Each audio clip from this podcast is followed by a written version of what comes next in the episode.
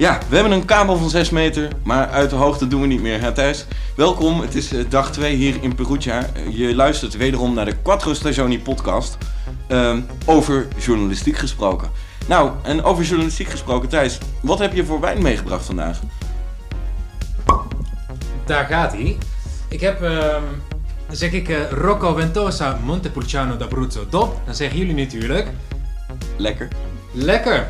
Eh, nou, ik heb deze wijn uitgekozen. Hij gaat namelijk heerlijk samen met eh, hoofdgerechten waar kaas bij zit. Ik heb even research gedaan. Ik moet een kleine rectificatie erin gooien ehm, eh, van gisteren. Ik heb gezegd dat er tonijn op een pizza quattro stagioni zit. Ik zat er helemaal naast. En ehm, toen dacht ik, nou, ik maak er maar even een dingetje van. Op een quattro stagioni zitten ehm, tomaten en basilicum. Zij representeren de zomer. Eh, de herfst is er omdat er eh, champignons op zitten. Eh, ham of olijven zijn de winter. En dan hebben we nog artisjokken en die staan voor de lente. Ik ga hem nu inschekken. Tijd voor de jingle. Komt-ie. Mm, dat ziet er goed uit. Het lijkt wel rode wijn. Ehm, ze noemden dat vroeger thuis altijd.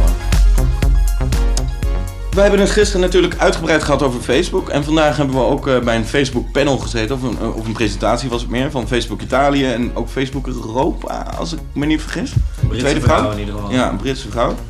En ehm, daar gaan we het zeker nog heel even over hebben. Maar dat doen we in het tweede deel van deze podcast. Dus blijf luisteren. Want eh, allereerst, Luna, jij had net al in het boekje weer gekeken, het programmaboekje.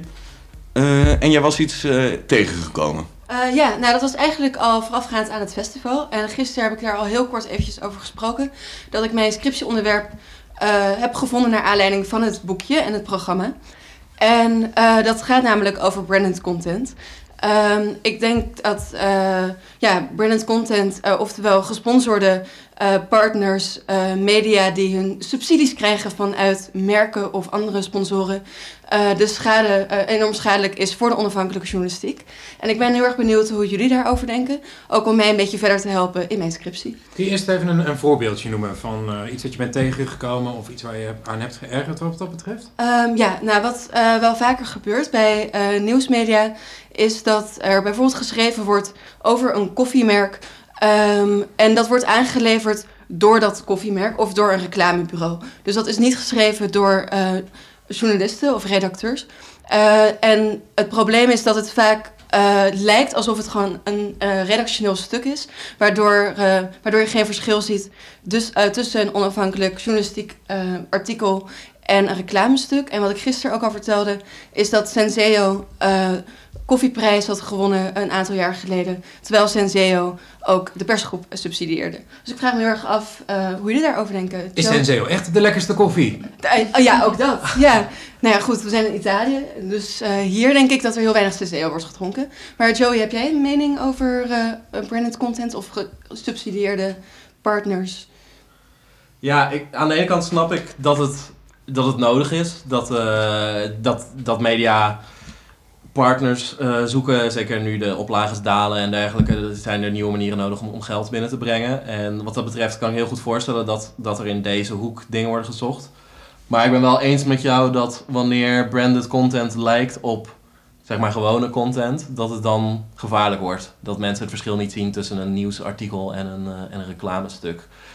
Dus ik ben op zich niet tegen branded content, maar er moet er wel echt duidelijk aangegeven worden, wat mij betreft, dat het om een soort van advertorial, advertentieachtig En stuk gaat. hoe, hoe duidelijk moet dat zijn? Moet dat dan net zoals op sigarettenpakjes echt dik, dik erop staan? Ja, wat Vijs bijvoorbeeld doet, Want is... staat heel klein altijd boven zo advertisement. Maar ik weet niet, ziet, Ja. ziet de, de, daar hebben we hem weer, gewone lezer dat? Ja, nou, wat Vijs bijvoorbeeld doet, Vijs is heel erg transparant daarin. En eh, die zijn heel duidelijk in, eh, in hun eh, advertenties en hun branded content. En dat staat helemaal los van hun redactionele stukken. Maar er zijn ook nieuwsmedia, bijvoorbeeld HP De Tijd, waar ik zelf ook voor schrijf. hun branded content stukken staan tussen de redactionele stukken. En het enige wat je ziet is heel erg klein eh, branded content. En bij de andere geschreven stukken zie je ook daar de categorie. Dus bijvoorbeeld leven, politiek. En op die manier is het gecategoriseerd. En dat is dus ook branded content. En daar kun je zo overheen lezen. Eh, en daar ben ik gewoon wel tegen. Eh, over koffie gesproken, ik heb ook die, die gekke reclame gezien van Sascha de Boer, voormalig NOS-nieuwslezer, die dan een hele mooie reclame ehm, door ja, Zuid-Amerika ergens loopt, Colombia of zo. En waar zij dan eh, als fotografe voor Nespresso op zoek gaat naar de echte koffie en het gevoel. En wat echt belangrijk zijn, dat zijn de mensen, weet je wel.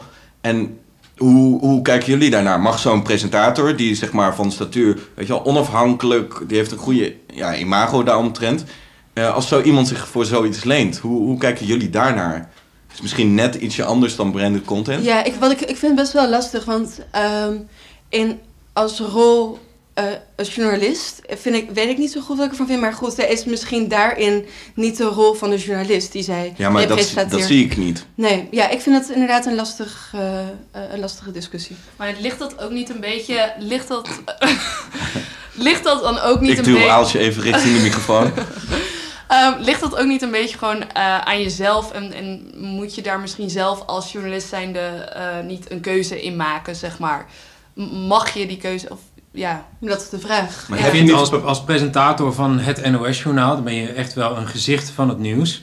En dan vind ik, nou ja, sowieso moet het eerst bij jezelf opkomen dat dat niet het beste moment is voor snabbels, eh, voor koffiemerken.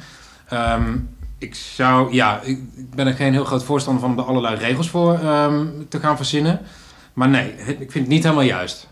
Ja, want ik, volgens mij waren hier vroeger regels over. Maar ik was pas naar Radio 2 aan het luisteren. En toen hoorde ik volgens mij een reclame met, met Ruud de Wild. Die ehm, een automerk aanprees in het reclameblok van het programma dat hij zelf aan het presenteren was. En ik kan me voorstellen dat je dan, weet ik als je in de auto zit, net de radio aanzet. Je denkt het is tussen 4 en 6, Ruud de Wild is bezig. En je hoort ineens zijn stem over een automerk.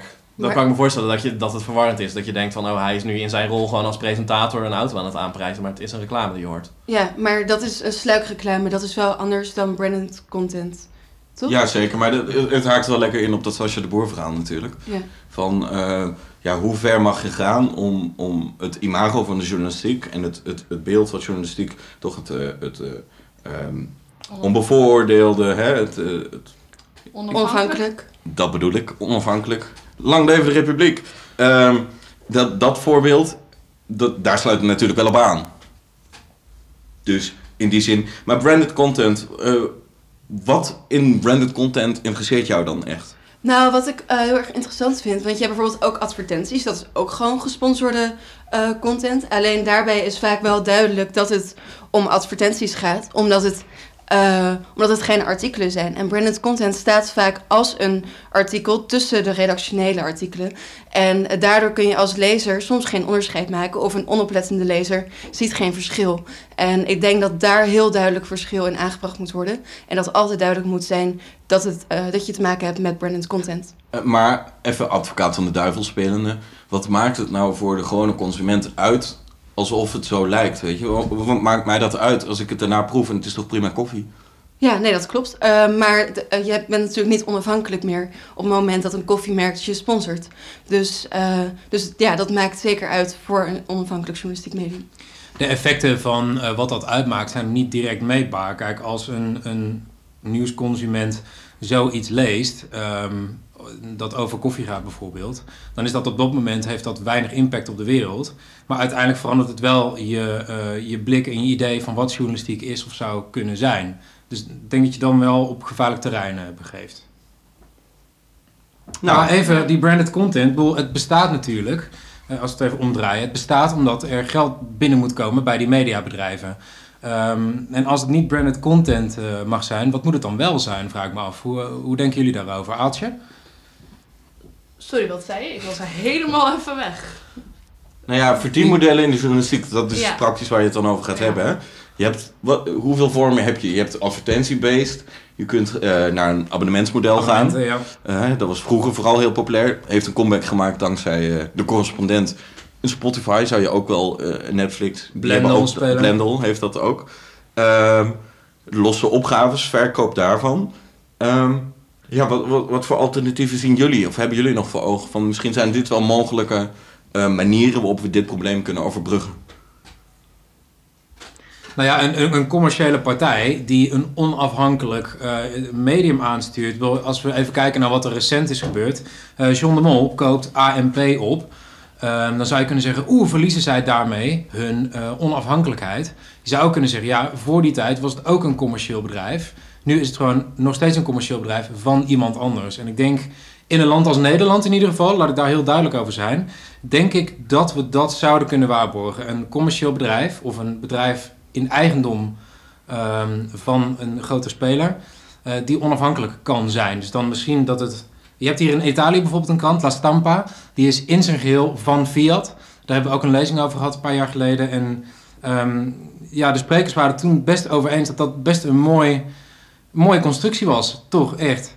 Zelfs al eh, is alles betaald door Fiat, die onafhankelijkheid werd voldoende gewaarborgd voor de, volgens die mensen in dat panel. Dus misschien is dat een idee, dat je niet per artikel moet kijken, oh, komt dit van Espresso, komt dit van eh, McDonald's, van Nike? Nee, wij weten allemaal, dit ehm, programma wordt eh, gesponsord door Pampersluiers. En dat weet iedereen die daarnaar luistert. En ja, ik, misschien dat je dan iets minder per geval op je hoede moet zijn. Oeh, wie betaalt hiervoor? Maar als ik dan La Stampa lees en eh, ik neem dan even het Volkswagen-schandaal van een paar jaar geleden met de Schummel-diesels. Eh, stel, dat was bij Fiat ontdekt. Zou La Stampa dan de eerste van zijn die, dat, die daarover zou beginnen?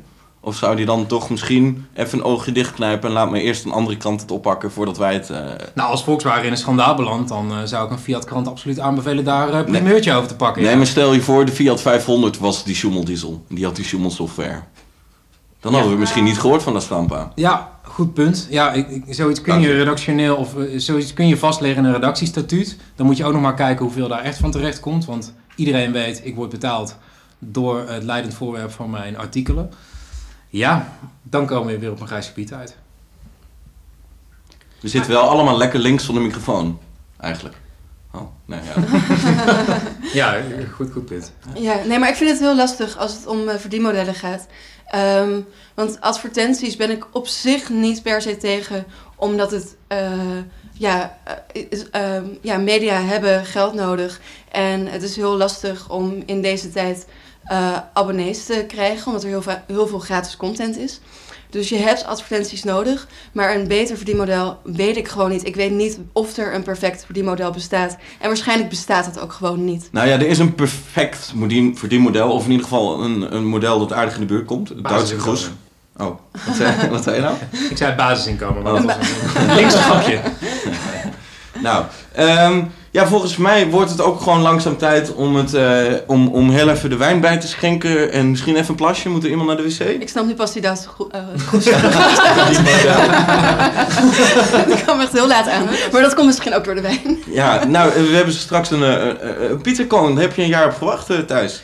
Ja, verdomme. Ja, vandaag was het zover. Ja, vorig jaar waren wij hier een week lang zelfs. En in die week is het mij niet gelukt om eh, het eh, tentje te vinden eh, met de pizzakoon op het moment dat het open was. Leg even uit wat Ja. een Ja, pizzakoning een is. pizzakoon. Het is ehm, een pizza. Je voelt hem aankomen.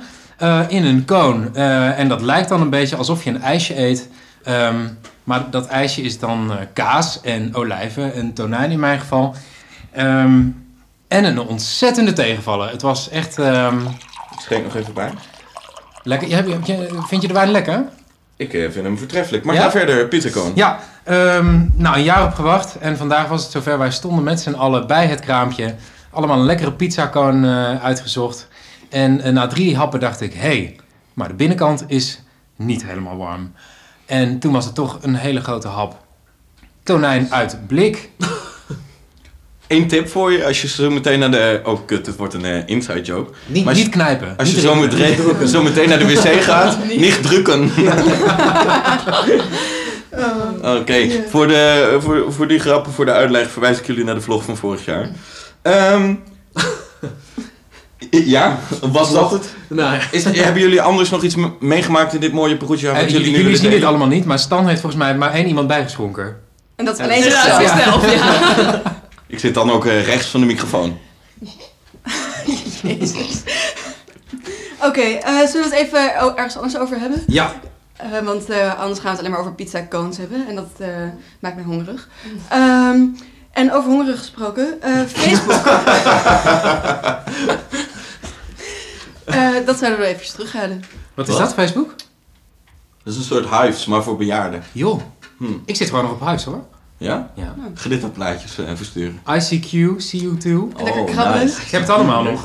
The way back. Nee, ja, Facebook. Ja, vandaag zijn we dan eh, bij een, eh, een presentatie geweest wat door Facebook gegeven werd. Het werd heel erg in een positief licht gesteld. Maar ik moet wel zeggen dat ik daardoor ging nadenken ook over de positieve kanten van Facebook. Want je kunt wel een publiek bereiken wat misschien niet naar het NOS-journaal kijkt of dat niet de Volkskrant leest. En die je op die manier kun je wel een impact weer hebben op de wereld. Ik denk dat het eh, in het kader van die branded content een goed idee is om nu even te vertellen dat Facebook een van de twee hoofdsponsors is van dit Ja. festival. Dan weet u dat. Noem even de andere grote speler. Google. Zoek dat maar op. Google News Initiative heet het. Daar gaan we nog Ja, veel van horen dit, eh, Ja. dit festival. Ja, wat vinden jullie er eigenlijk van dat Facebook en Google hoofdsponsoren zijn van dit eh, festival? Ja, ik kreeg er toch een beetje wel een naar gevoel bij op een bepaalde manier. Maar vooral ook dat ik er nu over na ging denken, na ging denken met dat hele Facebook eh, gedoe van is het, moet je het verwijderen wel of niet. En ik dacht, ik besefte me gewoon als ik twee dagen geleden bij die lezing had gezeten, dan had ik echt zo gezeten van, oh ja, dit is mogelijk. Oh ja, kijk, Facebook, weet je, had ik al dat positieve zo meegenomen. En nu zat ik daar wel toch wel iets met een sceptische, sceptischere blik. En Een ik, beetje pervers of zo? Of dat... ja, meer gewoon dat ik gewoon heel erg besefte dat. Ja, Besefte. ja dat komt omdat ik uit Friesland kom en daar hebben ze geen S. hebben we geen Facebook. Nee, We dit zijn wel met een heel divers publiek, met een Limburger en een Fries. Nee, verder, ja, nee, ja, nee, het is gewoon dat ik gewoon dacht, ja, anders had ik dit zo aangenomen en het is goed om een beetje sceptisch te zijn of zo. En, en dat, Ik denk wel met hoofdsponsors als Facebook en Google, het komt er natuurlijk veel geld binnen. En iemand moet het betalen. En ik denk dat je daarmee ook wel andere interessante namen binnenhaalt. En op een festival Zoals? over journalistiek voor journalisten, eh, denk ik niet dat je aan censuur kunt doen. Ik denk, nou, ik denk dat er best wel interessante sprekers op af kunnen komen. Ik denk dat je best interessante bedrijven kunt binnenhalen als je zegt: hé, hey, wij geven samen met Facebook en Google een, een festival in Italië. Ah, op die manier. Ja, Ja, ik denk dat dat namen kan aantrekken dat mensen dan niet zeggen van, oh nou, daar, daar valt voor mij niks te halen. Mhm. Dat zal niet snel gebeuren, denk ik hier. Het geeft een soort legitimiteit, zeg jij.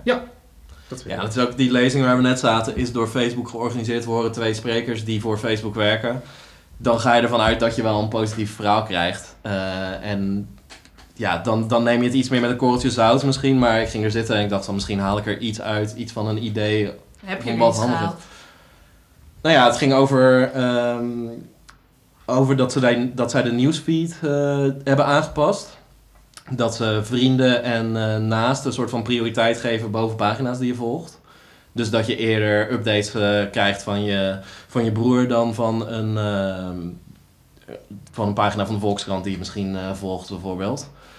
En zij hadden het erover dat, dat iedere post een soort van score krijgt. En de score wordt verhoogd wanneer je erop reageert. En aan de hand daarvan wordt je nieuwsfeed bepaald. Dus je ziet de dingen die jij het meest interessant zou vinden. Maar ik bedenk me in één, keer, eh, in één keer iets. Als je dat doet, en Facebook heeft dan daarmee eigenlijk een soort van macht. Die bepaalt dus, dus wat jij ziet. Dus ook met nieuws kan Facebook dus eigenlijk bepalen wat alle mensen het meest zien. Ja, je ziet het, is het resultaat van een algoritme dat je ziet inderdaad. Het is niet, het is niet chronologisch of zo. Ja. Niet, eh, niet dat je alles ziet wat al jouw vrienden posten. Ja, maar dat kan ook een eigenlijk wel kwalijke naar. uitwerking Ja, dat vind ik best wel naar. Dat besef ik me in één keer. Want zij bepalen dat algoritme. Daar ga ik een ding onder monteren. Nu zijn wij eh, een paar minuutjes voor het einde zijn wij weggelopen om koffie te gaan drinken, omdat het toch meer in een soort van instructie veranderde. Ehm, nu vraag ik mij af, zou er aan het einde van die bijeenkomst ruimte zijn geweest voor vragen? Of zullen ze hebben gezegd, dank u en we gaan door? Was er ruimte voor vragen? Jij bent tot het einde gebleven. Ik ben niet Joey. tot het einde Oh. Oh, Ik vond het wel helemaal het einde.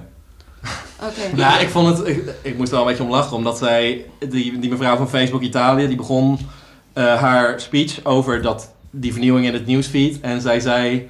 Ja, de hot topic van Facebook is het nieuwe nieuwsfeed. En iedereen haalde zo zijn schouders op en zei: Nou, volgens mij is dat echt niet de hot topic op dit moment. Dat Hm. is Mark Zuckerberg, die gisteren vijf uur lang door een congres in Amerika ondervraagd is. En daar ging ze verder niet echt op in. En Ze, ze zei van ja, er zijn wat fouten gemaakt.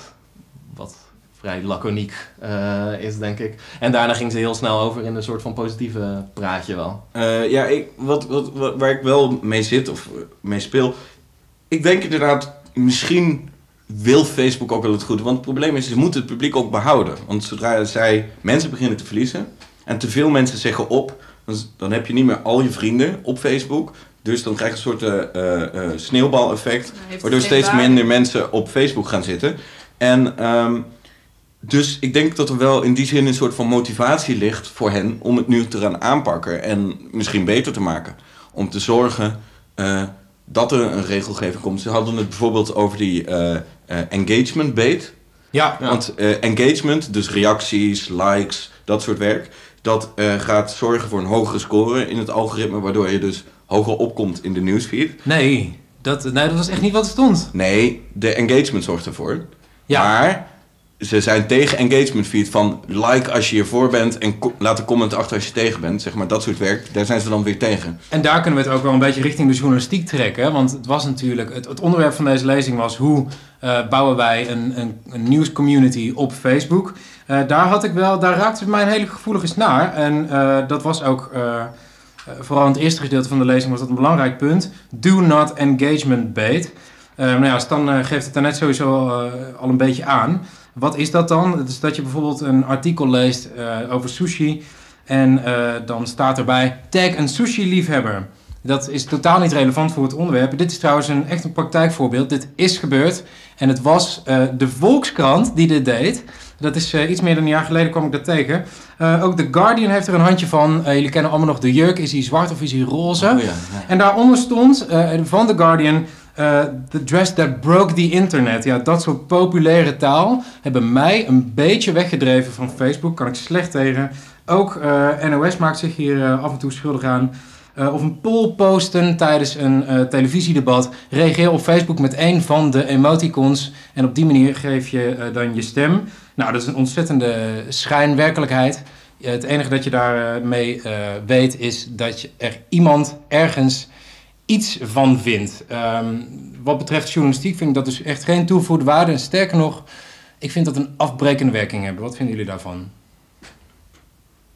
Nou engagement op zichzelf is heel goed eh, om in contact met je publiek te komen. En Ik heb, ik heb zelf ook onlangs Facebook, eh, Facebook gebruikt, een Facebookgroep, omdat ik eh, bronnen nodig, nodig had. Ik schreef een artikel over Elton John en ik wilde, eh, ik wilde verhalen van fans hebben die met Elton John in Nederland in aanraking zijn gekomen. En toen ben ik lid geworden van een Elton John fangroep. En dat was een manier voor mij om heel erg enthousiaste mensen eh, te spreken te krijgen. En nou ja, goede, een goede manier om een bron te zoeken. Dan zie je dat onderwerp wel door een andere bril. Maar om daar even op in te haken, dat is, dat is geen engagement bait. Dat is crowdsourcen. Maar ik vind met een goedkoop trucje zoals tag hier iemand in. Of Ja, oeh, zet hier een smiley bij. Ja. Dat vind ik een goedkoop trucje om mensen binnen te halen om een artikel te lezen. En na tien keer werkt dat ook niet meer, toch? Maar, maar wat is dan een goede manier van engagement voor jou? Ehm, dat, is, dat vind ik lastig. Eh, ik vind het sowieso altijd mooi als je iets ontzettend extreem in de praktijk kunt zetten. Ehm, ik denk dat heel veel mensen eh, soms dat het niet helemaal duidelijk is wat de invloed van het nieuws op hun leven gaat zijn. Dus bijvoorbeeld ehm, in plaats van dat je zegt ehm, eh, AEX met 200 punten gezakt. Ja, dat zegt mij dus niks. Ehm AEX gezakt, eh, volgende week een biertje minder eh, te besteden. Hm. Zoiets. Dat, dat vind ik een mooiere manier om mensen binnen te halen. En dat ligt dichter bij de werkelijkheid dan tag hier een bierdrinker in. Maar maken we dan niet een beetje het, eh, de overlap tussen clickbait en engagement bait? Want engagement is dan echt het, eh, de interactie met de vrouw. Is engagement een goed voorbeeld van engagement niet toch het, eh, het voorbeeld der voorbeelden in de journalistiek? De correspondent. Zij willen natuurlijk een soort van engagement creëren. Een, een, hoe zeg je dat in het Nederlands? Ja.